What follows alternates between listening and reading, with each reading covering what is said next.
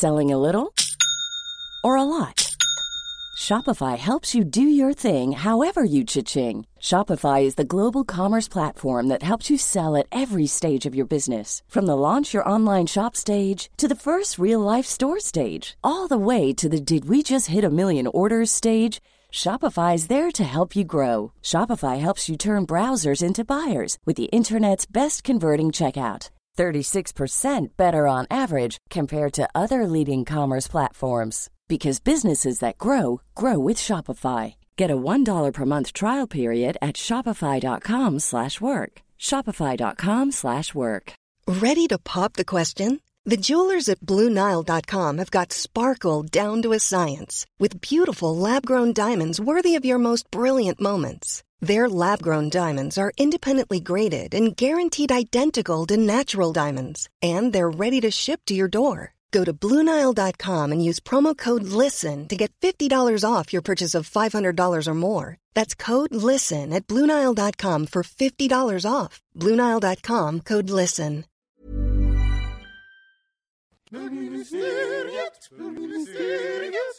Bögministeriet, bögministeriet, bögministeriet, bögministeriet. Bara bam bam bam bam Bara bam bam Hej och välkomna till bögministeriet. Robin Olsson heter jag då. Och vad heter du då? Sitter det här? Mikael Kasanovic. Mikael. Ja, ja det, det, det, det, det är läget idag. Mikael heter jag. Ja, och vad heter du? Kristoffer Rama Waldekrans Jobb. Rama. Nej, Kristoffer Jobb Wal- Nej, vad fan heter jag? Kristoffer Raman Jobb Waldekrans heter jag. Du vet, det är jättesvårt att komma ihåg sina namn. Ja. Men det är, det, är, det är jobbigt framförallt om de ber en fråga. Jag beställde flygbiljetter i helgen. Och sen så var de så här, men eh, vad står det i ditt pass? Jag bara, ja, vilka namn är det som står där egentligen? Är det, vilka är det som står med initialer och vilka som står? Ja, precis. Pluff var det. Pshemishwaf. Pshmishwaf. Pshmishwaf. Va? Alltså, det är, det är världens svåraste namn att säga. Alltså på riktigt, Ja, jag, det är jag har aldrig hört ett är svårare namn. Chemiswaf. Pshemishwaf. Chemiswaf. Chemiswaf. Pshemishwaf. Du, du. Vad hette du? Vad var ditt andra namn? Raman. Raman. Mitt i Bobby Pierre. Nej, det är det inte. Men jo, det visste jag. Jag hette På, Rob på riktigt? Robin Bobby Pierre Olsson. Ja, det är sant. Är det bindestreck i Bobby Pierre? Nej. Det fantastiskt? Det hade varit magiskt om det hette Bobby Pierre Olsson. Det är bara jag, Bobby Pierre här. Gud, det, Från och med nu kommer du vara Bobby Pierre, det vet du. nej, men, äh, min mamma, från början hette jag ju bara Robin Pierre Olsson, men Bobby la jag ju till själv när jag var full och gick förbi Skatteverket en gång med eh, Camille och min kompis, och så la vi till eh, varsitt namn. Vad la Camilo till? Eh, Han la bara till en bokstav G. Ja, vi är jättepretentiösa, var vi, så här, 23 år och bara mm, jag ska inte lägga till G. Ja, herregud. Ja, vi har ju varit ute och rest, hörni. Kan Ja, vi- kan allihopa. Mm. Fast på Oj. olika områden. Olika håll. Ja, precis. Eh, Du och jag, Micke, vi har ju varit i Köpenhamn, eller du har ju för övrigt varit i Norge. Norge. Och sen i Köpenhamn. Ja, men Johan och du var i Norge med din pojkvän och Samuel. Ja. Så, så nu har vi varit i Köpenhamn, ja. Ja. Eh, Och du har varit i... Jag har varit i Tyskland. jag har varit i Berlin. Det är, så som alla, det är så roligt att alla bögar åker till Berlin på påsk. Alltså, det, vad är, vad är, det, liksom, det är ju verkligen så. Det är Ja, bögmecka. Det är, det är påsken och bögmecka. Ja, men det är alltså... En ny form av tradition. Ja, men det har liksom blivit det. Det, det, det är ju... alltså, För alla er då som inte vet det, vilket är säkert jättemånga i och för sig. Eh, Så är det en, en, det finns en, liten, det är en fest där nere på, på påsk. Ett kalas. Ett kalas. Det är en tillställning. eh, som nu i år eh, hade slått ut, slut på förköpen. Och det, bara förköpsbiljetterna var 5000. Och sen så tog de kanske in 2-3 tusen till. Så det var ju liksom Oj. 8000 bögar som stod och dansade på Berghain. Vilket var jättekul. Och lite snacks. Den där lilla härliga festen. Och jag kände faktiskt inte till snacks förrän förra året när jag var där första gången. Var det förra året? Nej, det Ja, påsksnacks förra året. Jag kommer ihåg att du var lite i chock när du kom hem därifrån. I, för, förra året var det, förlåt. Mm, för, förra år året. Ja, två år sedan. Det är ju ganska... Jag var lite i chock när jag, när- eller jag var lite i chock när jag kom in där första tio minuterna. Jag det trodde jag var var vi ju alla. Vi Ja. var ju livrädda och gick i, så här, i, typ i koppel med varandra. Och bara, Rör ingenting! Det är ju väldigt så här, många, många springer runt och nakna, och sen så är det mycket fetischer, så, som man kanske inte, att, att folk är så öppna med sina fetischer. Ja, men det var väl kanske framförallt det här att folk hade, att det var så otroligt ohämmat. Mm. På ett sätt som, det, ja, det förekommer liksom inte i Sverige. Nej, det var som, jag och, um, jag och Ulf blev... Eh, Dubbelfistade. Vi, vi blev dubbelfistade faktiskt igår, Jätte, jätteskönt. Så här, jag visste inte att jag kunde nå dit. På mig själv. Oh, he touched my heart. Precis, man gör såhär, äh, återupp, hjärtor, hjärtmassage fast inifrån, Nej, via rövhålet. Nej, jag och Ulf, vi skulle, um, nu när vi var i Köpenhamn, så skulle vi träffa upp en bekant till mig som heter Johan. Och, så, um, och eh, då skulle vi på det här något ställe som heter Men's Bar. Ja men kom, det är brunch! så kommer vi in, på tal om, vi hade vår egen lilla Köpenhamn där, kom vi in, ja brunch, my ass. Det var ju bara, folk var nakna och det var liksom, de- alltså, en öl i ena handen och sen så stod någon och fingrade någon annan i rövhålet det andra. Alltså det var en sån, sån absurd grej, så då förstod jag att brunch i Köpenhamn är lika med grupp sex då. Det är ju någonting- den lilla informationen var ju inte, fick inte jag. Men eh, eh, det som var roligt var att eh, vi, vi joinade inte in, om man säger så. Nej. Men däremot så kostade en shot 10 kronor och en öl 17 kronor. Perfekt. och jag och Ulf bara yes, nu kör vi! Nu kör vi. Ja, så vi var fulla vid sju. Men det som är roligt måste jag säga faktiskt med snacks också, det är ju inte, det är inte bara att det är liksom massa snusk som pågår överallt, men det är också så här, det är ju typ världens bästa DJs som spelar i, liksom, i 24 timmar. Så att för den som tycker om att dansa så är det ju heaven också, verkligen. Så det är ju, och det är en väldigt rolig fest, det är socialt som fan. Man pratar med typ tusen pers. Men jag kan också tycka att det, det är något befriande över att folk, folk får göra precis vad de vill och det, det är väldigt, väldigt odömande. Alltså, det, ma- och den som är dömande där inne kommer inte överleva så länge. Antingen slutar man döma eller så går man därifrån, för det går inte att överleva. överleva, just det, för då, då, då dödar folk en. Ja, Ja, precis. exakt.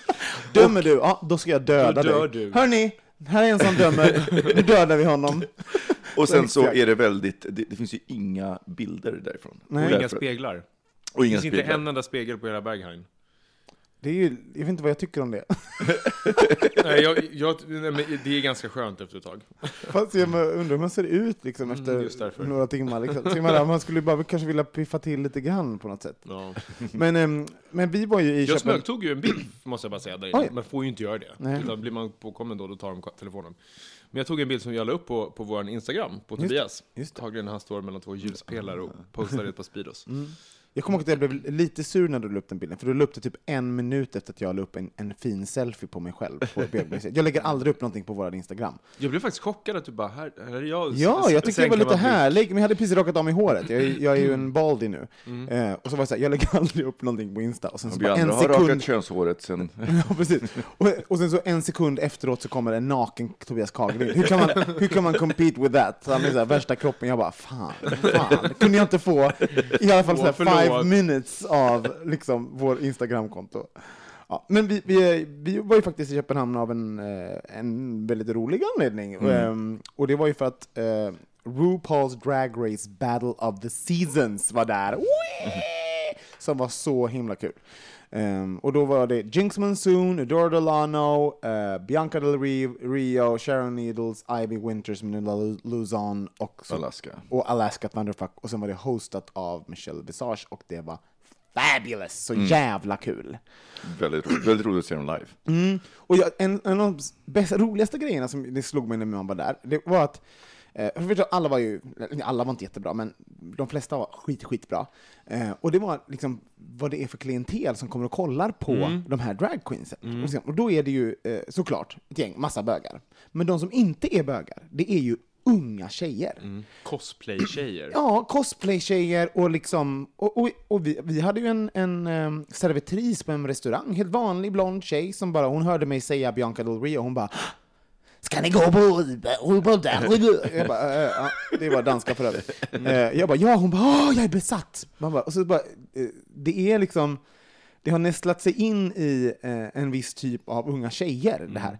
Och det som gör mig så himla glad är att de här unga tjejerna, de kommer ju bli eh, föräldrar. De kommer ju bli mammor. Så liksom så här, eh, mammas största förebilder är drag queens. Och det kan ju bara göra att man får eh, Man fantastiska hoppas barn. Det, man kan ju hoppas det.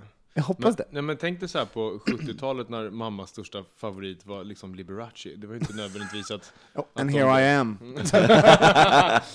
ja, kanske det. Nej, men det är väl sant. Det är ju jätteroligt. För det, jag tänkte på det, för jag såg ju Adore Delano i Sydney när jag var där. Eh, och då var det ju bara hon som körde. Eh, och liksom klientelet, det var liksom inte alls vad jag hade tänkt mig. Nej. Jag var by far äldst, tillsammans med John som jag var där med. Sen var det liksom unga tjejer med rött eller svart hår. Eller så här eh, väldigt androgyna twink pojkar liksom. Som, som attraheras av den här, framförallt också Adore Delano som är lite så här punkig och lite alternativ och så här. Så där fick helt plötsligt hela den världen en, en beacon att liksom följa också. Så här, i, I transvärlden. Och det är ju någonting som vi... Det, det har inte jag... Eller jag har ju fattat att det finns, att det finns en annan typ av eh, personer som följer dem. Men liksom, det blev så himla uppenbart att liksom, det här, de här har ingenting egentligen med mig och min kultur att göra. Det här är bara några som bara... De tycker det, det är ja, cosplay helt enkelt. Det- Den grejen. Ja, jag blev väldigt glad i alla fall. Sen måste jag Vad säga... var, vad var highlightsen då? För mig var det Adore, för jag har ju inte sett säsong 6. och jag, hon är så fucking jävla skitbra. Alltså så bra eh, på, på scen. Och eh, Bianca Del Rio är ju rolig, men, men alltså, någonstans så är jag så här, alltså, om man ska värdera talangen så värderar jag nog Adores talang att liksom kunna komma ut och vara showig och, och vara så naturlig på scen och sjunga och sådär högre än, än att liksom köra en, en, en stand-up-repertoar. Ja, jag är tvärtom. Jag tycker det Bianca var, alltså hon var så rolig. Också så här, typ, jag- hon, hon lyckas med att vara så grov i mun och, att man, och älskvärd. Liksom bara, you fuckers! Alltså, det, jag, tycker det, jag tycker det är jätteroligt. Sen, var, sen är ju Alaska så helt, helt magisk. Jag tycker nästan att Alaska är bäst av alla. För hon lyckas komma hit och bara, "Ah", gör sin konstiga karaktär. Och man bara, vad gjorde du nu? Jag bara älskar det. Jag har ingen aning. Nu sjunger du någon konstig liten låt och ligger på golvet. Och ändå är jag helt så här mesmerized av vad du gör. Ja, väldigt, väldigt bra var det i alla fall. Ehm, Den enda som inte höll måttet det var ju Manilla Luzon. Men hon är ju inte så bra att börja med. Liksom. Hon bara, buy my t-shirts, buy my t-shirts. Man bara, shut the fuck up, liksom. stå inte där och gör reklam. Jag har betalat massa pengar för att vara här. Så står du och hon, står hon, alltså ingen annan gjorde ju Ja, reklam men hon har inte några bra nummer, för jag tänker att, att eh, de andra, jag menar Adore och Alaska körde ju sin eh, I look fucking cool. Och, Ja. och liksom, det, det är ändå en, en schysst låt eh, att se live. Manilla har inte ens någon bra låt. Nej. David blev ju repostad av, repostad av ehm, Michelle. eh, Michelle. Nej, men också sen så, eh, idag la Alaska upp en bild som David tog på dem när de sjöng. Oh, bara en sån sak. Ja. Men eh, i alla fall, jag blev jätte, jättefull. Vi smugglade ju på, på tonårsvis så smugglade vi in eh, en flaska fish som vi satt och Och klunkade det av. var ju inte mycket kvar i den flaskan. Det, man kan inte Nej, säga för vi hade ju in. druckit upp den tio Innan. minuter innan, ute i kö. Robin var rädd att vi skulle bli utan öl 40 minuter kvar, så vi köpte 18 öl när vi stod för Förlåt, hur många? 18 18? stycken. Men Det vi var ju var 10 lite pers. Vi var ju 10 pers. Varav en, in, en inte drack, resten hade redan druckit en massa, så att vi hade massa. Ja, i alla fall. Jag blev jättefull, så jag, jag mår sådär idag, kan jag väl säga. Jag blev bland annat, sur, bland annat sur på min pojkvän för att han inte var glad nog. Ni hör. Men alltså, och, ni flög hem, eller hur? Ja. Nej, jag åkte tåg. Du åkte tåg? För jag flög hem igår och jag tror aldrig jag har varit så bakis. I hela mitt liv, som jag var då. Hur mår, alltså, vad, vad händer när du blir bakis? Nej, men vanligtvis så händer inte så mycket. Jag brukar vara ganska bra bakis. Men nu var det så här, jag gick ju upp klockan kvart över sex. För att hinna vara på flygplatsen kvart över sju. Eh, sitter på planet och får så här kallsvettningar. Och känner att så här, åh gud, jag måste kanske kräkas nu. Åh nej. Men då sitter jag längst in. Och så känner jag så här, jag orkar inte be folk flytta på sig. Så jag bara tittar ut och så här, Profylaxandas. Ehm, Men det finns fortfarande de här små, kommer du ihåg att det fanns kräkspåsar i... eh, På vissa flyg, jag tittade på, Norwegian har de inte. har Eller? Air Berlin, menar jag. Vissa Jävlar. flyg har de. Att man borde, alltså kräkspåsar är- borde ju vara... eh, Det är ju viktigt när man åker hem från Berlin. tycker jag. Så- Ja, eller hur? Faktiskt, det är, det är viktigare än Men, men jag tänker det här med, med, med bakfylla, det är ju liksom två saker. Den ena är ju det här liksom fysiska, när man har, verkligen har druckit för mycket alkohol, alltså så mycket så att man, de få gånger jag kräkts i mitt liv har varit på grund av alkohol och jag kommer fortfarande ihåg sista gången det hände, var så här 2006. Oj, det var... Men jag kräks, jag kräks aldrig. Och då, Nej, jag måste dricka in ex, extrema mängder för att det ska, liksom, jag kommer ihåg dagen efter att jag så här, kräks, här, kan knappt gå upp, ska, så här, skakig, kallsvettig och känner okej nu kommer jag kräkas. Går på toaletten och blir så förvånad över hur äckligt det är att kräkas för att jag gör det så Så du hade sällan. glömt att ha jag, det? hade Liksom. glömt, jag hade glömt hur äckligt det var. Det är vidrigt. Alltså det är så vidrigt. Och det är liksom att man inte ens kan äta det. Och det enda man kan få i sig det är som lite apelsin. Just den grejen, den där fysiska... oh. Jag tycker det värsta med bakfyllan är att jag, att jag alltid går alltid på samma sak. Det har liksom samma mönster. Och det är att jag vaknar och sen bara, men jag mår inte så dåligt. Alltså, det här var inte så farligt. Och så börjar man liksom, går man runt och bara, nej men det här är lite Sen god i äter man. kroppen. Och liksom så här bara, och sen, och det, sen, så, sen så äter man precis. Och då kommer, och då börjar liksom kallsvettningarna. Och då slår det mig, ja men jag var ju full innan. Alltså det var ju, jag vaknade ju och var full. Det var ju därför, klart jag inte mådde dåligt när jag var full. Det är ju helt, jag har inte hunnit bli Det är bakfull. bedrövligt. Nej, det var hemskt. så, och jag har ju en extrem, extrem bakfylleångest. Och det, den är så svår att rationalisera bort på något sätt. Jag vet att det är kemi som sker i min kropp. Och ändå så bara så här, herregud, jag måste be om ursäkt till alla. Jag måste be om ursäkt för alla, allt jag har gjort. Jag bara, bara, Ja, men, åh, så här. men det, det är inte så konstigt, för det är lite grann som att säga, less, sorg eller glädje, det är också kemi i hjärnan, men inte fasen dämpar det liksom, de, tack och lov, de känslorna höll på att säga. Fast att du är medveten om att, aha, det är bara kemi i hjärnan. Men jag, det, det slog mig också så- för att nu, nu jag, jag var ju väl, hade ju väldigt mycket ångest när jag var yngre. Jag tror jag har sagt det någon gång, men liksom hela mina my 20s var liksom fullt av ångest. Jag, alltså jag hade ångest hela tiden, varje enda dag. För att du var bakis? Nej, jag, nej, precis. Jag, You need to nej, talk. jag, var bara, jag var bara, jag bara hade jättemycket ångest över saker. Så, Mm. så jag var väl en äng, ängslig ung människa liksom. Ehm, och, och nu, den enda gången jag har ångest nu är när jag är bakfull. Så att jag minns liksom hela den här ångestperioden i mitt liv när jag hade ångest. Mhm. så, här, så att, eh, det är en lite bra reminder på ett sätt ändå. För att Men jag, vänta har inte du ångest typ när du, alltså så här, när du håll, jobbar inför en deadline och så här, har prokrastinerat lite för mycket som du pratade om? Nej, Har inte du ångest då? Nej, jag går igång på det lite grann. Jag, jag gillar det. Alltså sådär att, jag, Mm. att jobba hårt på någonting sådär. Så att, nej, jag har inte ångest över det.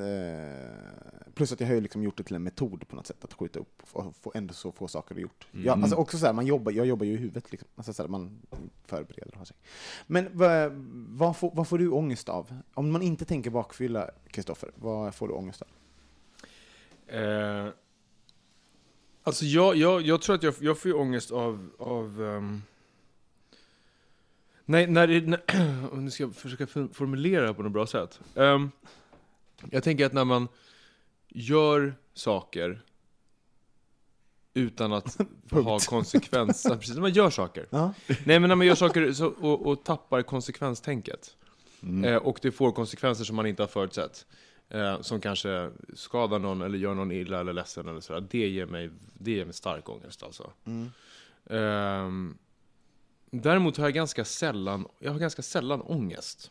Måste jag säga. Men när jag väl får det. Men inte ens när du är bakfull? Nej. Gud vad skönt! Ja, Jag, jag nej, men jag har aldrig haft den här bakisångesten. Däremot kan jag känna så här, om vi har haft en liksom Ja men ni vet, som när vi har varit ute några gånger och så hamnar man här och shotsbrickan åker fram och, och så här. Då kan jag få ångest dagen efter, men det är inte för att jag, har, för att jag är bakis, utan det är för att jag känner att så här, jag slösar min tid. Har Att jag bara ligger en hel, låter en hel dag bara gå, min lediga dag, bara för att jag inte kunde så här hejda mig och faktiskt gå hem i tid. Typ det, den grejen, det kan vara så här, vad fan. Det, men det är också så här konsekvenstänket, att inte så här, vänta, jag kan inte köra så här sent om jag ska ha en dag imorgon. Men, men gud, jag, nu liksom öppnar du Pandoras box här. Ska jag ha ångest över att jag ligger en hel dag och inte gör något? Borde jag ha ångest över det? Det tycker jag. För det har jag helt missat att man ska ha det. Nej, jag, jag, jag är ju också fine med, med det, utan jag får ju den här kemiska ångesten, som jag för övrigt har idag, för nu har jag ju liksom druckit alkohol typ en vecka i sträck. Och det, inte mycket, men det är så här, ett par glas vin efter skidåkning, ett par öl och liksom så, sådär. Och, och så, men verkligen sen förra, började på onsdag morgon när vi flög. Men alltså, eh, man kan ju verkligen förstå att folk blir alkoholister. För det Ja, finns ja, ju ett ja, jag- säkert sätt att ta bort Exakt ångesten. den saken tänkte, alltså, det var precis vad jag tänkte. Där jag bara, gud, det är så här jag skulle kunna bli alkoholist. För det Mm. är, skulle vara så himla lätt att bara, ja, men bara en liten, för att slippa, för det, det, idag har det verkligen varit tungt. Alltså Mm. det har varit så här, och du vet, och den är så, den, just den eh, kemiska spritångesten, det är också så här, man, man behöver hitta jag måste hitta projektionsytor för den. Mm. Och då börjar jag ju leta efter allting som skulle kunna vara och förstår upp det i mitt huvud för att bara så här, kan det här bli en projektionsyta? Och, och, och samtidigt så sitter en del av min hjärna och liksom observerar det här och är medveten om det, men kan inte stoppa det. Jag kommer ihåg en sak, eh, förlåt. Nej men jag, det- jag tycker bara att det där är så himla intressant att så här, För att jag... eh, Det här med alkoholistgrejen. För det, det, och det tackar jag min lucky star för alltså. Med tanke på att jag har en pappa som är liksom alkoholist och där. Men jag, det sista jag vill göra när jag är bakis, det är att dricka. Ja, nej, men vet du, Det, och- alltså, det, det tar emot så hårt. Ja, men, och där, där är jag helt med dig, för att jag har alltid tänkt så, men det var först idag som jag på riktigt fick den insikten, och det är för att jag inte är bakis. Den här ångesten kommer just av att vi har druckit ett gäng dagar i rad. Så att nu har jag liksom den här kemiska spritångesten, men inte bakfyllan. Så att jag är, så här, jag är fysiskt fine, och fysiskt att liksom börja dricka. Och det är där, det, det var där som jag var så här, gud vad farligt, det är det här de pratar om. När jag liksom inte är, är, så, är bakis, men jag har ångesten. Och bara så här, det, alltså, så, gud, åh, ett glas vin bara för att dö. Du vet, Ett glas vin kan väl inte vara så farligt, det är nyttigt. Hela, hela den, jag bara... Jodå. Ja, det, det är en, det är, ja, precis. En om dagen, ett glas rött om dagen. Håller doktorn på stan. Och det är ju dag någonstans Ja, det i världen hela tiden. Livet är en fest. Ja, nu tar vi en Allt för är så här. Åh gud vad härligt, så här, internationell alkis som bara sitter hemma på Söder och så här, skålar in olika tolvslag På sin iPhone, på så här, världsklockan liksom. Bara. Precis. Men, ja, alltså, men, men sådana där eh, är du alkoholisttest är ju gjorda för att man ska få ångest åt inte, alltså det är ju meningen, så alla är ju alkoholister på sådana. Ja. Så bara, har, har du druckit? Ja, du är alkoholist. Och bara, bara, en, en vanlig kväll, eller så här, en, en festkväll, hur många dricker du av det här? Så bara, måste man så här, fylla i de här Ja, ja, glasen? det. och det är så jobbigt tycker nej, jag. men jag är så bara, vad, vadå komma ihåg hur mycket man har druckit? Vad är det för absurd fråga? Kommer inte ens ihåg helgen. Nej, och sen så också så här, sen finns det liksom så här, eh, ett till, en till två enheter, två till fyra enheter, och sen över fyra enheter. Man bara, men vem, har, vem, vem dricker inte över typ fyra enheter? Alltså förstår du vad jag menar? Alltså, det är klart att all, så då, och då vet man ju att, aha, nu kry- kry- kryssar jag i det som kommer göra att jag hamnar i alkoholistfacket, för att de liksom har, sänker det så mycket. Jag bara, herregud, fyra enheter, det, det dricker väl, ger man väl till barn när de går upp på morgonen? Men vänta ett tag Robin, om vi backar det här med ångest. Du menar att du inte får ångest av någonting annat än bakfylla? Nej, jag är inte, nej, jag är inte så ångestdriven nu faktiskt. Eh, nej, jag tror inte det. Alltså, jag... Nej. Alltså, jag, jag gillar ju, jag tror att jag Kristoffer har, du är nog ännu mer kon, har kontrollbehov. Eller du är ju väldigt sådär, gillar ju att ha kontroll. Ehm, och det gör jag också. Mm. Men de gångerna jag inte har det är de gångerna jag känner att jag inte kommer ihåg. Och jag har ju börjat på sista tiden att typ glömma lite saker jag gjorde. Liksom, sådär. Bara, Jaha, vad, vad hände? Och sen så du vet, när det bara börjar kom, dyka upp så här. Nej men det var en ganska trevlig kväll igår. Och sen så blir- du vet, man får den här ishinken över sig. Man bara, åh herregud, pratade jag med den personen? Du vet, man bara, Ja, sa jag en sanning till den personen? Det, Åh, den där säga sanningarna, den kan i och för sig skapa lite. Men jag gör inte det så jätteofta. Nej. Tack och lov. Nej. Men du kan göra det. Jag Mårten är- kan göra det också. Ja, jag är så, så Thomas bra på att säga sanningar. När jag är Johan med, faktiskt. När jag tänker på det. Det är du och jag som håller Ja, på ja, nej, jag, jag håller, jag, sanning är ingenting för mig. Hörde du det Mike? Nej men jag har inte jättemycket ångest över saker just nu. Kan, Men glömmer du ofta? ja, jag har börjat göra det. Fast jag vet inte varför. Är det för att jag dricker mer? Är det för att jag är alkoholist kanske? Nej men liksom, varför glömmer man? Vet ni det? Festkvällar? Ja, varför glömmer man bitvis? Alltså, sådär, Nej, men äh, de, de säger att äh, har du druckit så mycket alkohol att du, att du glömmer, det, det är liksom det är ett tecken det, på. det, det är en, en, en blackout, då har, då har hjärnan tagit, tagit Stryk. lite stryk. Whoops.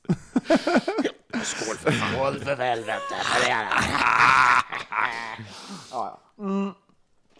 Ehm, ta en jingel tycker jag. Jag bara sitter så här och håller för mig själv. Det känns inte. Uh, fy fan. Men en bra grej som man kan göra när man har ångest, det är att gå i terapi.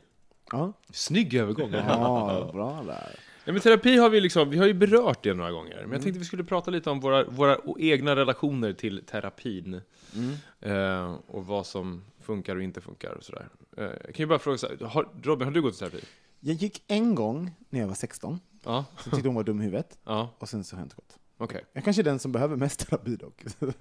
Ehm, Men, hur men det här är intressant där, som att om du inte har någon erfarenhet av terapi, hur ser du på folk som går i terapi? Jag ser, eh, jag har liksom, om du hade frågat mig för så här tio år sedan så hade jag nog haft en annan bild än vad jag har idag. Men jag har liksom vant mig av att typ i USA och på, på eh, film så har jag My therapist says. Alltså du vet att alla ska ha en eh, terapeut liksom, av något slag. Eh, så att jag tror att jag har liksom vant mig till. Men om för tio år sedan hade jag tänkt bara, vad, är det vad är det för problem du behöver ha hjälp med egentligen? Sådär. Men eh, nej, jag tänker nog att det är någon med pengar. Alltså det är ju dyrt att gå i terapi om man inte går via liksom, eh, ja, eh, vård, vården. Mm. att, eh, och, det, och folk prioriterar oftast inte att lägga pengar på psykisk hälsa, snarare Mm. typ ett ny, ny jacka. Så det tänker jag med en gång, ha, du har råd att gå i terapi, tänker jag. Ehm, och sen tänker jag nog att eh, vad bra att du, att du pratar med folk, för det borde Mm. mer fler göra. Så det, det är typ det Mm.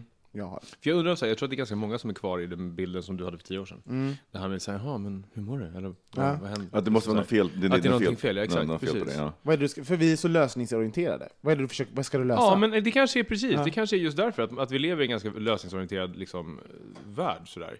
För jag tänker, jag, jag gick ju i terapi, i så här, evighetsterapi som Tobias kallar det, min kompis där nere i Berlin då.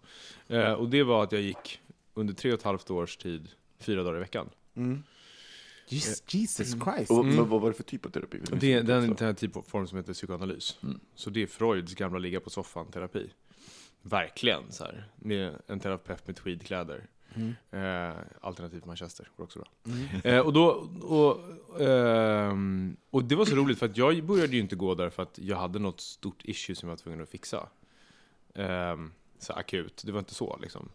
Men, men jag gick där och sen så, ju mer jag började gå där, för att jag han- fick en så himla bra deal nämligen. Det kändes som att man fick Groupon. Men det, var, det, det som hände var att som psykoanalytiker... Bota två åkommor för priset precis, exakt, precis.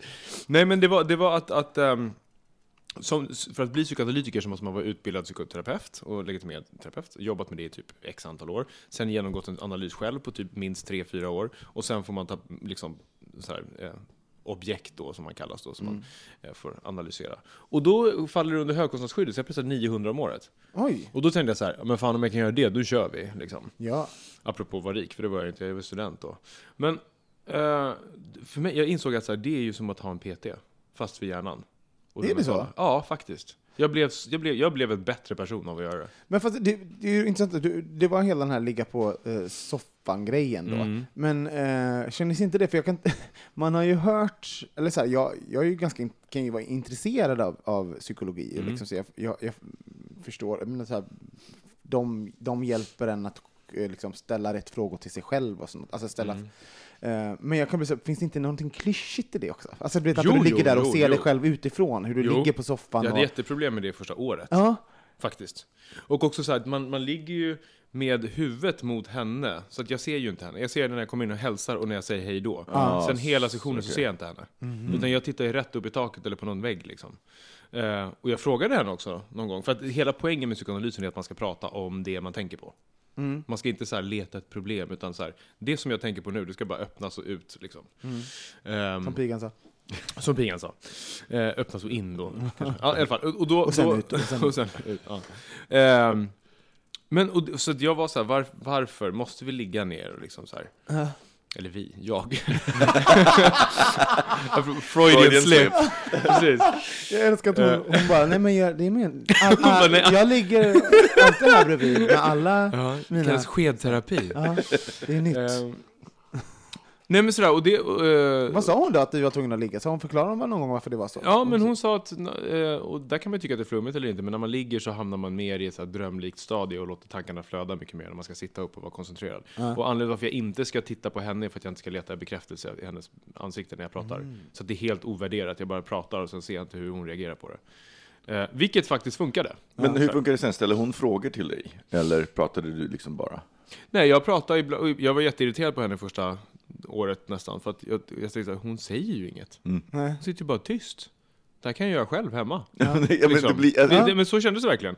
Men det som var intressant är att jag, babb, jag babblade ju på liksom. Jag babblade om, om ja, då hängde inte vi så mycket, men annars hade jag pratat om er och jag kunde ha sagt ja, vi måste få Robin igår och så hände det här. Bla, bla, bla, bla. Och, sen så, och så håller man på sådär, och så, så var det någon gång, jag kommer ihåg, som jag blev så djupt imponerad av henne. Och då, jag, då berättade jag om en dröm jag hade haft som var helt så här koko, ni vet, när allting är bara helt knasigt liksom. Och känslan som jag fick av den, för den kommer jag ihåg väldigt tydligt. Varpå hon säger så här, hon bara Det påminner mig om, om den här middagen som du berättade om i oktober, det här var typ i april. Eh, hemma hos Marika och Patrik. Eh, när du, kände- jag bara jag bara vände mig om, jag bara ursäkta? Så här. Eh, ehm, jag bara, hur kommer du ihåg det? Hon bara, det är mitt jobb. Så hennes jobb, det är bara så att totalt lyssna. Och bara sätta ihop. Och då är det hon som säger så här, påminner den situationen om den situationen? Och då börjar jag fundera, och då börjar man lägga ihop så här ett och ett som man aldrig skulle göra annars. Gud, det var det som var så jävla häftigt. För att ehm, det förändrade ju mig liksom på riktigt. Vad, vad, från vad till vad förändrade Från neurotisk och humör, humör eh, slav under mitt eget humör till ganska balanserad. Ja. Faktiskt. Vad intressant att du säger det, för att jag, jag gick ju i eh, KBT, men jag, gick ju, jag valde ju att gå liksom, av en specifik anledning. Jag eh, blev dumpad, ska vi kanske inte säga, ju, eh, föll väldigt hårt för en person på väldigt kort tid. Eh, och jag var bara så här, jag orkar inte, så här, dels deala med det här och sen så bara så här, jag måste också deala med de, de problem som leder till att de här situationerna uppstår. Eh, och då valde jag KBT eh, och hade en fantastisk terapeut, Sara Widén heter hon, jag kan rekommendera henne. Ehm, och, men, men, ehm, så, så att, och, och, och, och i KBT så tänker man ju då att, att handlingar, tankar och känslor är som en triangel som påverkar varandra. Eh, tankar Flexibility is great. That's why there's yoga. Flexibility for your insurance coverage is great too. That's why there's United Healthcare Insurance Plans. Underwritten by Golden Rule Insurance Company, United Healthcare Insurance Plans offer flexible, budget friendly coverage for medical, vision, dental, and more. One of these plans may be right for you if you're, say, between jobs, coming off your parents' plan, turning a side hustle into a full hustle, or even missed open enrollment. Want more flexibility? Find out more about United Healthcare Insurance Plans at uh1.com. Planning for your next trip? Elevate your travel style with Quince. Quince has all the jet setting essentials you'll want for your next getaway, like European linen, premium luggage options, buttery soft Italian leather bags, and so much more. And is all priced at 50 to 80% less than similar brands. Plus, Quince only works with factories that use safe and ethical manufacturing practices. Pack your bags with high-quality essentials you'll be wearing for vacations to come with Quince. Go to quince.com/pack for free shipping and 365-day returns. Many of us have those stubborn pounds that seem impossible to lose, no matter how good we eat or how hard we work out. My solution is PlushCare.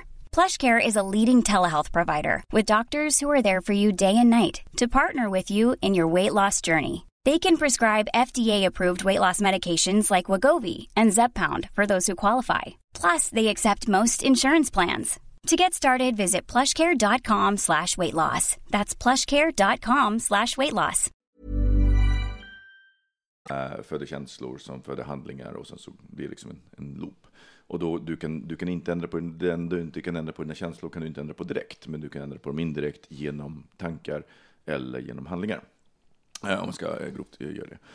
Um, och då pratade vi mycket om så här, mitt storebrorskomplex. Um, och det, var så, det var, som var så bra, det var att jag hade också användning för det i jobbet, eftersom jag då jobbade på Hyper Island och då handlade mycket om handledningen av studenter, men också, hålla sitt ego utanför och så vidare. Ehm, och verkligen så här, se till, så här, mitt bekräftelsebehov får inte, får inte finnas med, så jag hade redan fått träning i det där. Eh, men, men för mig så är en konsekvens av det, för jag jag gick ett halvår eh, i den terapin och sen så jobbade jag på Hyper i två år. Eh, men konsekvensen för mig är att jag blev mycket mer, också mycket mer balanserad och framförallt så kan jag observera mina reaktioner Ja. oftast på ett annat sätt och resonera kring dem. Vilket också kanske gör att jag ibland blir lite för intellektuell kan jag väl tycka. Att jag inte agerar på känslorna utan att jag är så här, hmm, nu blir jag arg. Men jag, min- jag minns den där perioden väldigt starkt när du, gick, eh, när du började på KBT, för att du var som att eh, du hade liksom uppdrag hela tiden. Som du skulle, alltså, jag, det var som att du checkade av en lista av saker att göra. Och, alltså, du, du blev mer att du ska, nu ska jag ta tur med de här grejerna. Liksom, Ja. Jag kommer att du, du konfronterade killen som du, som du eh, var lite... Nej, Jag fick göra ett eget avslut, men Ja. eh, för att, just för att man inte alltid kan få eh, Nej. avslut på andra sätt än att skapa ett själv. Och jag kommer ihåg att det var, jag kände, gud vad modigt, det här hade inte jag vågat göra, bara gå runt och... det var lite samma, samma vända som du hoppade bungee jump naken också, var det inte? det Var det det? nej, Ja, det var, det var, det var, Kanske det var, året efter. Det Var det, året efter. ah, det var inte en del av listan från terapeuten? Nej, ja, nej, nej, nej, nej, utan det, det var ju mycket mer så här, han, men, Fast jo, på ett sätt, du, du började ju ta tag i saker som du var rädd för. Ja, jo men, jo, men Alltså så, var, så det, så var det. För mycket, mycket av, av mina saker handlar ju antingen alltså, handlar om rädslor. Så här, rädsla att inte bli älskad, rädsla att inte bli accepterad. Och, och att om man väljer att agera utifrån dem så göder man de rädslorna. Eh, och så en sak som jag fortfarande kommer ihåg som jag tycker var så den var, den var, För mig så var det en sån uppenbarelse, och det är egentligen en så enkel sak. För vi pratade om så här, jag, var så här, men jag kände att det är skitjobbigt att vara på vissa ställen i stan därför att det var där som vi hängde. Och hon bara, aha, men så, hur tänker du? Ja, men jag undviker. Hon bara, men så här, vad händer om du undviker dem? Och så gick hon igenom den här modellen då, liksom att känslor, tankar, vad händer, vad händer om du genom din handling göder känslan att det är obehagligt? Så växer bara monstret. Så att det bästa man kan göra, det är ju liksom att bara ta tag i det, gå dit och börja äga stället. Det kommer vara jobbigt första gången, men så här, ångestkurvan kommer gå ner. Ehm, så det tyckte jag var riktigt, så här, fortfarande, Använder du dig av de teknikerna fortfarande, som du lärde dig? Ja, det gör jag absolut. Alltså, Jag har ju använt det, jag är ju fortfarande spindelrädd, men absolut inte lika spindelrädd som jag var innan. Och det är också en sån här konkret sak, att bara så här börja observera och sen så observera sina egna, sina egna känslor. Och det, de jobbar ju väldigt mycket med eh, det? mindfulness, alltså att, att vara medveten om vad som händer och icke-dömande. Och det är också en sån sak som jag faktiskt nu på sistone försöker komma tillbaka till. Jag går mindfulness-kurs nu. Eh, och, och det är också så intressant för att det, det är så mycket lättare att ställa sig utanför sig själv. Och varje gång jag gör ett dömande så, så, så blir det så här, jaha, men varför gör jag det? Istället för att fortsätta döma, antingen mig själv eller den andra människan. Som, du vet, jag går förbi någon på gatan och sen så ser jag så här, en riktigt tjock människa äta godis. Och, så, jag så, här, och, då, och liksom, så kommer en dömande röst. Så jag bara, ja, men varför dömer du den här personen? Alltså, och, och, och, och helt plötsligt så stopp, För du vill stoppas- också ha godis? Nej, så stoppas dömandet och istället så börjar jag fundera på men vad är det i mig som gör det? För det, det handlar ju till syvende och sist alltid om mig och ingenting om den andra personen. Eh, och det tycker jag var, var, var jätte... Är det inte jobbigt att aldrig, få lov att döma någon? Alltså, så här, för Men, men det är ju inte så, alltså, det är klart man fortsätter döma. Och Man är ju fortfarande människa. Men det som, det är den stora skillnaden i alla fall för mig, och det låter som att det är samma för dig, är att så här, jag är medveten om mina reaktioner. Och sen så betyder ju inte det att jag inte agerar på dem och bara blir känslomässig ibland. Det kan jag absolut bli. Men det, det spinner inte iväg och blir ett monster som är helt okontrollerbart för att jag förstår processen. Och då kan jag också stoppa den. Men mycket tydligare. d- du måste ju fråga så här, om man, jag som då inte har gått i terapi, eh, dö- dömer ni mig på något sätt för att jag inte gått? Alltså, all- alltså, för- det känns som att ehm, en upplyst människa borde ju ha gått i terapi någon gång. För man borde, det, finns, det finns någonting som är lite nästan självdestruktivt, att inte ta hand om sitt psyke, förstår du vad jag menar? Fast det kan man göra på så himla många olika sätt. Ja, exakt. Det tänker jag så här, för mig absolut inte. Däremot så skulle jag rekommendera alla jag känner att göra det. För att för mig var det verkligen så här livsomvändande. Liksom. Det var otroligt häftigt. Eh, men absolut inte. Jag tror att man kan ta hand om sig själv på olika sätt och också hur förberedd man är på att dela med livet på något vis. Alltså så här, när jag var liten så liksom en skitstökig pappa som sabbade väldigt mycket av så här, fundamentet. Vilket gjorde att så här, jag behövde nog gå i terapi för att dela med alla de grejerna så att jag kunde bli, hamna på någon typ av normalnivå. Liksom. Eh, och det var ju det som hände. Eh, men har man inte haft den typen av bakgrund eller liknande, så, alltså så här, det, vi har alla olika behov liksom. Så det tror jag inte är någon... Nej, men jag, jag, jag tänker detsamma, för, jag, för att för mig så handlar, så här, nu har jag faktiskt bara testat på KBT eh, och då mindfulness, om man nu skulle se det som lite grann av en ter- terapeutisk form. Eh, men, men det handlar ju hela tiden om, om att vara reflekterande kring vad som händer och försöka liksom tänka, försöka se utan, ställa sig nå- någonstans utanför och bli lite mer objektiv i sitt betraktande. Och det tror jag man kan uppnå på många andra sätt. Jag tror att det är folk som så här går och fiskar och liksom för sig själva. Alltså det kan vara väldigt Eller på fist, eller så eh, snacks, de går och fistar. Det kan också vara mindfulness på något sätt. Jag går och fistar. Det bara slog mig en sak. Eh, eh, Du berättade om här att din terapeut hade lyssnat på någon dröm du hade. Mm. Jag, jag kan inte tänka, alltså vet, det finns ju ingenting som är tråkigare än när någon ska berätta om sin, en dröm de haft. Nej. För, för det är alltid samma sak. Så här. Alltså jag måste berätta om, så börjar jag alltid så här, alltså jag måste berätta om en, om en dröm. Fast vet du vad som är intressant att fråga då? Nej. Jag, tyck, jag, jag tycker det är jätteintressant att fråga, vad kände du i drömmen? Därför att jag, för mig så handlar drömmar inte, så jag kan ju hamna ofta i, i, i drömmar när jag i drömmen känner igen saker och ting. Jag bara, men gud, här har jag varit förut. Men jag, det är liksom inte en dröm som jag känner igen, det kan vara en men känslan. Känslan. Det är känslan och, och det ligger väldigt mycket i. Fast du, du måste säga, det, innan man kan göra det så måste ju folk få lov att berätta om sin dröm. Och det är ju det som är så hemskt. Alltså, och drömmarna är ju alltid likadant. Alltså det var så sjukt, jag var i ett klassrum och sen så, kom, sen så var det serverade de liksom mat där av en lärare. Så, och läraren var Mårten, fast du vet att det inte var Mårten. Och, sen så, Och det var inte mat, fast Ja, det var det de inte mat. serverade. Ja. Ja, och sen så var, det, var vi alla, alla var där, och sen så var det som att det kom någon form av ljus utifrån, men då var vi inte kvar i klassrummet mer, och sen så var det en häst. eh, och, sen så, och då gick vi på en promenad, och medans vi gick så kom det, och man bara Alltså vad är det? Jag får inte ut någonting av den här berättelsen, och det får inte du heller. Så sådär, Du vet inte ens vad som hände i drömmen. Nej. Alltså, det är sådär, liksom, jag förstår, drömmar är konstiga. Jag vet, alltså, när någon säger det, jag, ska berätta, jag måste berätta om en dröm. Då zonar du så ut. tänker jag, nej det måste du inte. Nej. Du måste fast, inte fast då jag skulle säga, jag, skulle säga, jag är mer intresserad av att höra vad du kände i, i drömmen. Det är jag, också lite drygt. Jag måste berätta en dröm. Nej, Nej, berätta vad du kände. Berätta vad du kände i drömmen. så men, det, men det, säger, det, det säger ju någonting Jo, intressant eh, om, om det. För jag tänker också så här, du vet, man berättar om, om någonting, men då är det ofta så här en känsla av maktlöshet eller en känsla av att man är förvirrad. Alltså det, det, det, det är det. Eh, Men som- har ni någonsin, har någon någonsin berättat en dröm? Så ni bara, nej, är det sant?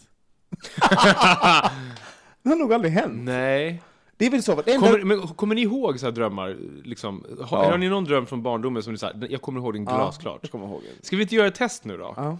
Nu, får du, nu får du under två minuter berätta en dröm, och så se, kan vi, om- se om det är spännande. Så ska vi göra det allihopa. Ja, så ska ni se. Ja, Okej, Min, jag hade en återkommande dröm när jag var liten, och det var att vi, eh, vi bodde vid havet. Och det var en, eh, Fast det var inte havet. Fast det var havet. och på det, eh, på, vid havet så låg det en lång brygga, och ute på den bryggan var det en popcorn, popcornstånd. Och det popcornståndet kunde jag hoppa in i, och sen så blev det som en liten helikopter, och ibland ett flygplan. Sen åkte jag runt i det flygplanet och eh, helikoptern, och sen så ibland var det eh, popcornstånd igen. Det var väl en bra dröm. Den kommer jag ihåg. Det var också Vad, en, vad kände du? ja, Flög alltid helikoptern? Bra. Eh, ja, det var ingen så här. eh, så att, eh, världens tråkigaste dröm, men den drömde jag jätteofta av någon anledning som var helt besatt av bryggor, helikoptrar och popcorn. Mm.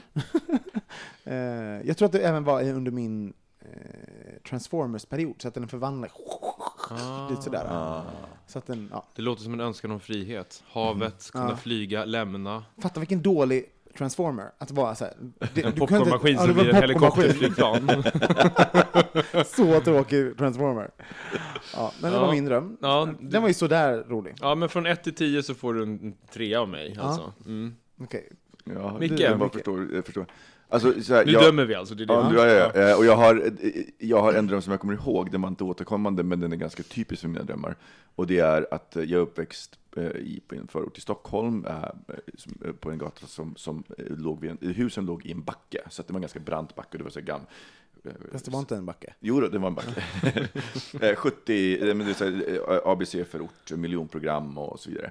Ehm, och den här den, den, backen var väldigt, väldigt brant. Och då drömmer jag att det är, det finns linor som hänger från ingenstans, eh, som man kan svinga sig i. Och det är ganska läskigt att svinga sig i dem då från, från den högsta punkten på backen, för det blir ganska högt på den andra. Men man kunde svinga sig genom väggarna, och i de här linorna så svingar jag mig och en massa aliens, alltså aliens från, från Aliens. från filmen Alien. Och de, eh, de svingar sig omkring och liksom dödar folk, men jag är, liksom, jag, jag är aldrig rädd i de här drömmarna, utan jag bara så här, jag, det är som en actionfilm där jag liksom vet att så här, och nu, nu, så här, nu är jag inne i huset och, nu, och där finns det aliens och de svingar sig runt och dödar folk.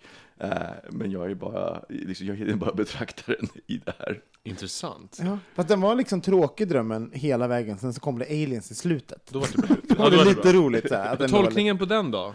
Att du kände dig själv som en alien? Du var en del av dem som Nej, jag, nej, nej jag, jag är fortfarande i högsta grad människa i, de här, i alla de här drömmarna. Jag har många drömmar där jag egentligen borde vara rädd, som är som skräckfilmer, fast jag är så här, jag vet att det, det är som att titta på en film och veta så här att men så här, huvudkaraktären kommer inte dö, för att det här, då, då är filmen slut. Jag drömmer ju ofta om, om mördare, det, det är än idag. Jag blir alltid, det är alltid mördare som jagar mig. Och oftast är det så att jag tvingas med interaktion med mördaren för att den, den har någon hållhake på mig på något sätt. Så här. Oj. Och sen så är det mördare, han mördar folk och sånt. Så, så, så Men är du rädd då? Nej, men det är så här oroligt. Liksom. Ja, just det, o- det är olustkänsla. Ja. Analysera det om ni kan. Kristoffer, vad har du för dröm? Nej men jag hade, en, jag hade en återkommande dröm. Apropå att din var som en skräckfilm Mm. fast man inte blev läskig, så var min väldigt gullig fast man blev läskig. Eller jag blev läskig. Mm. Och det var att jag alltid kom till en ö. Som ditt liv i övrigt? Som mitt liv i övrigt. Gulligt men läskigt. Mm. Man kommer in, är en ö, så här, jättefin tropisk ö med stora blommor och så här. Och jag går ombord, eller om land, på land, kan inte ens prata. Går, in, går in i en grotta som jag ser liksom hålet på andra sidan, så jag ska bara gå igenom ett berg sådär. Ja, och sen så när, när jag då är på väg genom den här liksom, tunneln så hör jag ett så ljud och så vänder jag mig om och där är det en gigantisk humla som ser ut som så här Dunderklumpen typ. Alltså den, Mm, karakt- just det. den karaktären typ. Och jag börjar springa och den här humlan förföljer mig. Ehm, och så vet jag, som att jag har drömt den här drömmen säkert tio gånger när jag var liten, så vet jag att på andra sidan så är det som en labyrint. Och högst upp på labyrinten så står det väktare och tittar ner. Och det är väktare som är eh, border collies, fast istället för att vara bruna och vita så är de bruna, bruna och blå. Nej, vita och blå. Och jag vet att bara jag når dem så är jag säker. Och jag springer och springer och springer och springer och sen vaknar jag. Och det gjorde jag alltså, alltså säkert tio gånger. Jag får lite en sån här Indiana Jones Ja, det tempelaktig... eller eh, Den oändliga historien av någon anledning, tänkte jag på. Jag vet inte varför. Mm. Finns det en jättestor hund, Nej. humla där från Dunderklumpen? Ja, det var också en, en ganska tråkig dröm. Så, titta, jag- alltså, det är ju tråkigt att lyssna på andras drömmar. Alltså, jag, båda två av era drömmar hann jag ju ändå tänka på annat. alltså, så här, jag bara tänkte lite, ni hörde nu, tvätten måste hänga upp sen, vad tråkigt. Alltså, du hann tänka det, vad jobbigt. Liksom. Sen så hann jag tänka att, men Ulf tvättar vanligtvis, så att jag kan hänga upp hann Men, men om, vi, om vi nu eh, pratar om drömmar och, och, och terapi. Drömmer ni mardrömmar? Halvmardrömmar. Väldigt sällan. Vad, vad handlar dina mardrömmar om? Nej, men det är oftast liksom, alltså, jag är oftast väldigt superhjältig-aktig i mina drömmar också. Så här, hoppar ut genom fönster och halvflyger och allt vad det är. Liksom, så där. Men, och- men, då, men det är ju mycket, eh, mycket det är ju mördar, det är ju liksom den uppskruvade mördarversionen. att, Mm. jag, att jag är, liksom, ja, det finns ett Men det finns en, en jakt på dig. Ja. Liksom. väldigt mycket jakt. på Ja. mig. Det, min, min mardröm om jag har någon, vilket är väldigt sällan, så är det inte att jag blir jagad utan att jag har gjort någonting. Mhm. Alltså typ att så här, jag kommer på mig själv att jag har gjort inbrott hos någon eller någonting och så får jag sån ångest över det och så här, nej, varför har jag gjort det här? Eller att jag har skadat någon. Det är jätte, jättejobbigt. Mm. Så, men, så det, det är i sådana fall sån dröm, men väldigt sällan att jag själv blir jagad. I natt till exempel, kommer jag på nu, drömde jag att jag inredde mitt hem med stolar som kom från en skola. Vad tyckte du om den då Robin? Mardröm. det var Johans mardröm. ja, precis. Men alltså, det, eh, det är ju jättetråkigt med drömmar. Det får Mm. vi bara konstatera. Ska vi ta en jingel på det då? Ja. Ehm, jag, mitt ämne är, li, är lite anknutet till eh, terapin. Eh, och det är eh, ilska. För att nu så, jag har ju lärt mig... Är jag åka- jättearg. Ja, precis, nu är jag jättearg. Bara så att ni vet. Nej, eh, men jag, jag har inte riktigt, jag, jag haft nära till ilska, eller så att jag agerar på ilska. Och jag insåg, det har jag pratat om förut, att jag tror att det är ganska, så här, orätt, det är ganska orättvist mot dem som jag blir arg på, att jag först intellektualiserar kring det och sen tar upp det och liksom när jag har en massa, så här, massa argument kring det. Därför att då, då får man aldrig liksom bråka och liksom aldrig så vädra ut någonting. Utan det blir hela tiden något så här intellektualiserande. Eh, och eh, nu så skulle jag då lära mig åka skidor för att vi, skulle, vi var i Norge också då innan Danmark och åkte off-pist. Eh, och jag kan ju säga att ska ni åka off-pist så är det bra att träna lite mer än fyra dagar på, tre dagar på, på skidor. Men, men, och, och då ehm, var vi först, eh, Johan eh, lärde mig åka i, i backen här och eh, i, i Stockholm finns det en backe som heter Flossbro som är väldigt liten. Eh, så jag och Mike och Johan där och de försökte lära mig och det gick så där och så åkte jag och Mike iväg till Romme i- uppe i Borlänge och skulle åka. Och jag Kan du berätta lite mer? helt och hållet. Jag blev så jävla arg på honom. Alltså det var så här I backen? i backen. För att eh, alltså, vi, vi har väldigt olika stilar, jag och Mike, på när det gäller inlärning och utlärning. Eh, Och han blir frustrerad när inte jag förstår. Och jag blir så här, kan du berätta det på något annat sätt? Och till slut så blir det så här, Du gör ju inte som jag säger! Och jag bara, jag visste, du kan inte förklara. Ja, men hela den biten. Låter ni så? Jättekonstigt. Jättekonstigt. Någon form av halvskrik. Någon arg smurf. Ja, men det var, det var eh, ungefär så, det ligger upp i. Men då så eh, lyckades han då förklara saker på ett annat sätt så att jag så här, fick ett, så här, aha, och så kunde jag börja åka och helt plötsligt åkte jag röda backar andra dagen och kände mig säker. Och då var han så här, men nu kan du ju åka i en svart backe. Och jag så här, nej det tror jag inte. Och så sa han bara, jo det kan du. Mm. Q fem minuter senare, jag åker ut i den svarta backen, ramlar, så här, skidorna åt ett håll, staven åt, det- så här, allting ligger överallt i backen. Och det är så, så förnedrande att det är skylten som står för så här, den här backen är endast för vana åkare, och så, så är det precis under liften som folk åker förbi. Och jag bara, alltså jag var så jävla rasande, och det var så skönt. Och hur blir det då? Skriker du på honom då? Nej, då, nej, nej, då bara kokade jag. Och jag bara, bara då, då, då bara kokade jag bara, när vi kommer ner, liksom, då jävlar. Vadå, ska du slå honom då? nej, nej, nej, jag skulle skälla ut honom efter noter. Och, ehm, nej men, och, och, och, och, vi, vi lyckades liksom lite grann så här lösa det, för jag var så här, men, men sen i bilen, alltså då bara tappade jag och bara var så, så jävla, och det är så bara värsta harangen på, på honom. Och det var så skönt att rensa luften på det sättet. Och det är så skönt att agera på, på, på den ilskan, så länge inte man säger eller gör saker eller som, som, som liksom är åter, återkalleliga. Men alltså vi har ju en kultur där vi inte, eh, man får inte, vi, som svensk ska man inte vara arg. Man ska inte ha starka känslor offentligt eller mot någon eller sådär. Vi är ju jätterädda för det. Så det, jag kan inte ens minnas när jag var arg, eh, jo igår.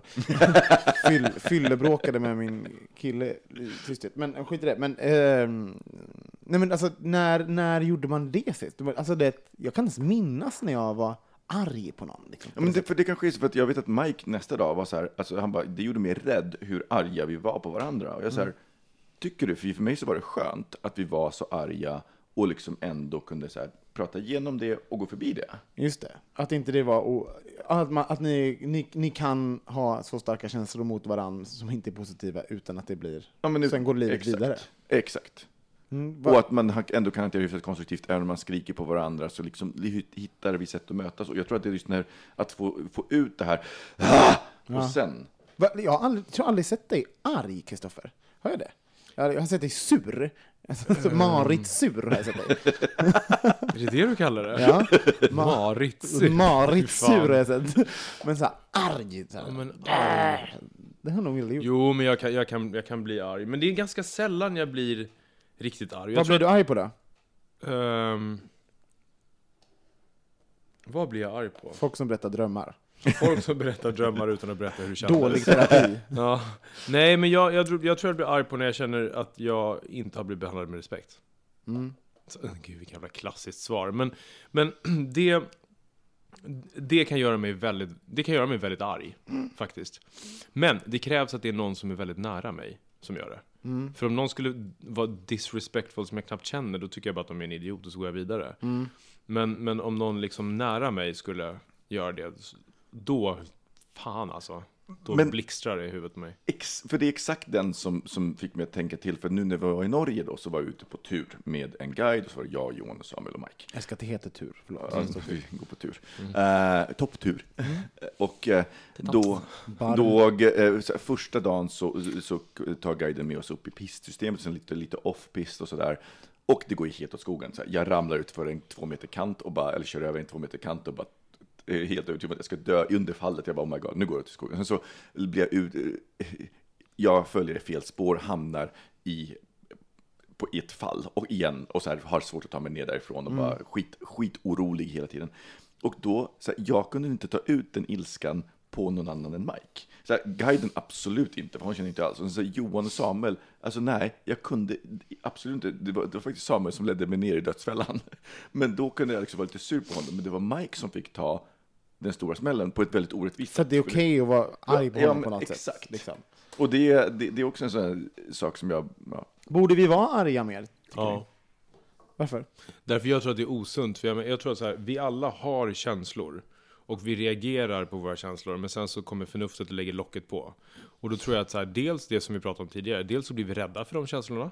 Eh, och det blir en känsla av att man tappar kontroll om man, blir, om man får starka känslor. Det är inte att tappa kontroll, det är bara människa. Jag tror verkligen så här, jag tror att om vi hämmar de starka känslorna och bara tillåter det kvittriga, trevliga, så kommer det någon gång att bara explodera. Typ som du gjorde i den här bilen på vägen hem. För att så här, saker får oproportionerligt mycket explosionskraft utifrån vad de egentligen står för, bara för att det blir en ventil för någonting annat. Fast samtidigt så när man är arg så, eh, jag hatar ju att vara ogenomtänkt, alltså säga saker man ångrar och sånt. Och när man är arg då kommer det ju, flyger det ju ut saker. Alltså, så- Okej med någon som man kanske är ihop med eller en jättegod vän och så. Men om man är arg till exempel på jobbet eller, jag blir ofta, jag kan ju bli sur på när folk eh, typ dålig service. Jag, jag var arg häromdagen förresten på en McDonalds eh, som slog mig nu. Varför var jag arg på den? Men jo, det var för att det var extremt dålig service och de ignorerade mig. Då blev jag sur och skällde lite. typ. eh, men eh, på kollegor och sånt, jag vill inte vara arg. Även om jag är arg så vill jag inte agera på ilska när jag är arg på jobbet. För där kan jag ju säga så, alltså det, det kan ju förstöra en relation. Men det är det jag menar. Jag tror att det förstör relation därför att som det är nu så riskerar du att säga saker Ja. som du inte står för. Men om vi låter det pysa ut lite mer, så ett blir det inte lika dramatiskt och två så kanske vi inte säger saker som vi inte står för. Men jag tänker, för grejen också att när, i det här utbrottet i bilen, alltså det jag sa, var, det var helt sakliga saker. Det är bara det att jag slutade vara så diplomatisk kring Ja. dem. Och var, liksom, var väldigt rak. Men det var ju inte så att jag bara, men du är dum i huvudet och har fula kläder. Liksom, det var inte de sakerna. Du vet. Oj, kommer du fram. Det tar vi från tårna. Ja, exakt. eh, nej, men det var liksom inte person på hopp och inte det här, Nej. du är så jävla dum i huvudet, utan det var, utan det var så här, men när du gör på det här sättet, så att ilskan kom inte ut i form av av dumheter, utan den kom ut i form av att jag verkligen var så här, "Va?" alltså höjde rösten och, och Men då måste jag fråga, så här, bara, jag, eh, det enda jag bråkar med är ju Ulf, min pojkvän. Liksom, för att det, det är Säkert. en- säkert och enkelt. Och det, för att man gör det när man är ihop ibland. Liksom. Men eh, när man bråkar då, man är i en konflikt, då, det finns ju också någonting så här, att man vill vinna. Det är ju en del så här, jag vill vinna det här bråket. Liksom, så, eh, och Ulf kan vara, han är himla svår att vinna över, för han är alltid så han är så metodisk och lite så här, som manipulativ och liksom, och så här, på, han är bra på att bråka helt enkelt. Här. Och det är skitfrustrerande att vara ihop med någon som är bra på att bråka. Alltså så här, som, liksom, som, som, som, häng, som tar upp saker man sa i början av, av diskussionen. Bara, men du sa ju det här precis. Man bara, sluta lyssna på mig när jag, jag vill bara vara arg. Liksom, vänd inte mina egna ord mot mig för helvete. Och, så, och då har han ju vunnit. Det är ju jättefrustrerande. Så det, jag tror, ett sätt att undvika att också man, alltså att ge sig in i en konflikt är ju också så här, att riskera att förlora konflikten. Eh, Det, det kan ju vara någonting som... Men där tror jag att så här, där, du förlorar nog inte en konflikt så lätt, just för att du är så pass saklig. Ja, nej, men det, det, dels det, men vet du vad, det också fick mig att inse, jag, det, jag vill inte gå in i en konflikt och vilja vinna den. För då, är man in, då, då, då, då eskalerar då finns det liksom, då måste det finnas en förlorare i konflikten. Och är det en person som jag, alltså är det en person som jag inte vill ha en relation med, det är fine. Men är det en person som jag vill ha en relation med, så är det dummaste jag kan göra att gå in och hela tiden försöka vinna, för då kommer den andra personen alltid vara en förlorare. Och alltså, det är inte bra för relationen. Man, utan, utan Det för är att, mycket bättre för min relation om den andra är förlorare. Ja. Det är bra för min relation. Det är bra för min relation med den personen, känner jag. Men jag kan också känna att jag blir nog också ganska ehm, beräknande. Faktiskt. Jag kommer ihåg när jag var liten och blev arg så på kompisar och så. Så, så kunde jag ju bli rent av elak. Just för att jag, jag plockar upp de här små nyanserna och så bara where it hurts. Men Det är ju charmigt. Mm, jag var ju arg för att jag inte hade några kompisar. Men det är olika det där. för Hur det. Ehm, vet du, vi, vi ska dra en liten ehm, grej här. Det är som så att vi, eh, Alex Lettik, som är en eh, av våra lyssnare, han jobbar på eh, Sveriges Radio. P3, Sveriges Radio, P3 Nyheter. Eh, de har dragit igång en, ehm, vad ska man säga, ett, ett liten, vad ska man säga, en rörelse. En, en, Ja, ehm, men ett projekt, debatt. det, ja, de liksom. vill lyfta en fråga helt ja, enkelt. exakt. Och det är um, just det här att på Cruiser, var, de var visst ett gäng bögar på SR som hade uh, pratat om att när de var så här 14-15 på Cruiser, att det var mycket äldre, ganska mycket äldre män som raggade på dem. Så där. Och hur, hur den maktstrukturen ser ut när en äldre man söker yngre killar och att man just då kanske inte kände att det var så ehm, att något konstigt eller jobbigt, men i efterhand så för, förstod man att oj, det där är inte, he, det är inte helt okej. liksom. Mm. Så de har ju dragit igång en, ehm, en hashtag bland annat som heter hashtag bögnorm. Ehm, och då, det finns eh, massa inslag på ehm, eh, P3 Nyheter, deras hemsida, som man kan lyssna på. Eh, och de, de vill gärna att ni lyssnare och ni bögar där ute som har erfarenheter om det här kan eh, dela med sig av era berättelser. Och då kan man eh, mejla till bognorm.sr.se eller berätta på Twitter, eh, Instagram och så liknande under eh, bögnorm-hashtaggen.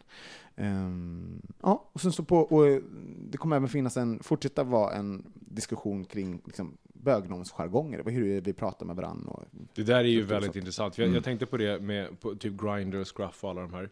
Att eh, det, det är väldigt, bögar och, och flator, men framförallt bögar i det här fallet då, eh, kämpar för liksom lika rättigheter och alla ska med. Men det gäller inte på Scruff, för då får man inte vara asian eller liksom Mm. fem eller black eller liksom massa så här. Så att vi är ju en, en bunch fucking hypocrites liksom. Ja, och, det där, och det där är ju en, det är en väldigt viktig fråga att lyfta. Och speciellt när det handlar, för det där handlar ju om pedofili. Alltså Mm. vuxna män som har sex med 14-åringar är ju faktiskt olagligt Mm. Eh, och det är inte på den lilla tonåringen att ha koll på det, utan det är på den vuxna mannen. Ja, och, så, och som 14-åring kan man ju känna, alltså jag vet, minns själv när jag var 14, så var jag så bara, mm, att jag jag kände mig jättevuxen. Alltså, Ja, jag visst, tyckte ju själv att jag var jättestor, men det, det var jag ju inte. Liksom.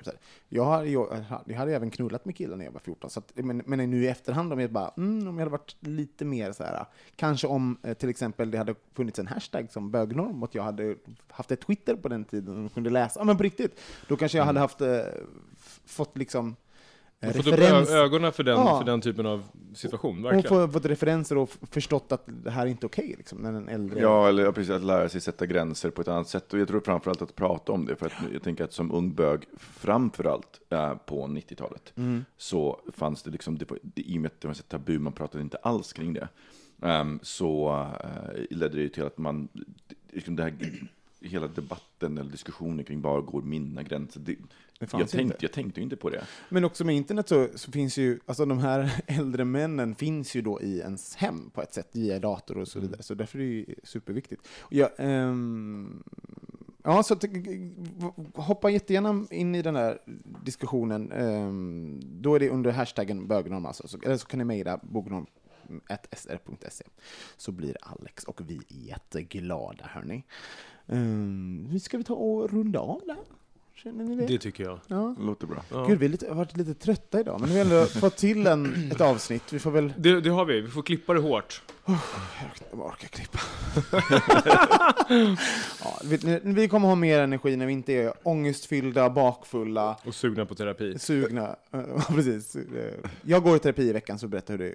Förhoppningsvis har jag blivit frisk då till nästa. Ja, vad härligt, då kan du berätta om lite drömmar, kan vi alla sova gott det. Mm, skönt. Eh, vet du, du, berätt, du skriver ner en dröm och så Ja. berättar du den med din eh, röst för vuxna Ja. eh, sång, Så här, sång, Det var, det var inte ett får, det var egentligen en kran och sen kom det vatten ur den. Fast det var inte vatten, utan det var kiss. Kiss, precis. Oj, oj, det var ett litet internt skämt där. Mm. Hörni, eh, tack snälla för att ni lyssnar på oss. Eh, tack för att ni gillar oss på Instagram, Facebook och Twitter. Och eh, vi hörs nästa vecka. Det gör vi. Puss puss. Puss. Hej då! Hej. Bögministeriet, bögministeriet, bögministeriet, bögministeriet, bögministeriet. Hi, I'm Daniel, founder of Pretty Litter. Cats and cat owners deserve better than any old fashioned litter. That's why I teamed up with scientists and veterinarians to create Pretty Litter. Its innovative crystal formula has superior odor control and weighs up to 80% less than clay litter. Pretty Litter even monitors health by changing colors to help detect early signs of potential illness. It's the world's smartest kitty litter. Go to prettylitter.com and use code ACAST for 20% off your first order and a free cat toy. Terms and conditions apply. See site for details. Normally, being a little extra might be a bit much, but not when it comes to healthcare. That's why United Healthcare's Health Protector Guard fixed indemnity insurance plans, underwritten by Golden Rule Insurance Company, supplement your primary plan so you manage out of pocket costs. Learn more at uh1.com.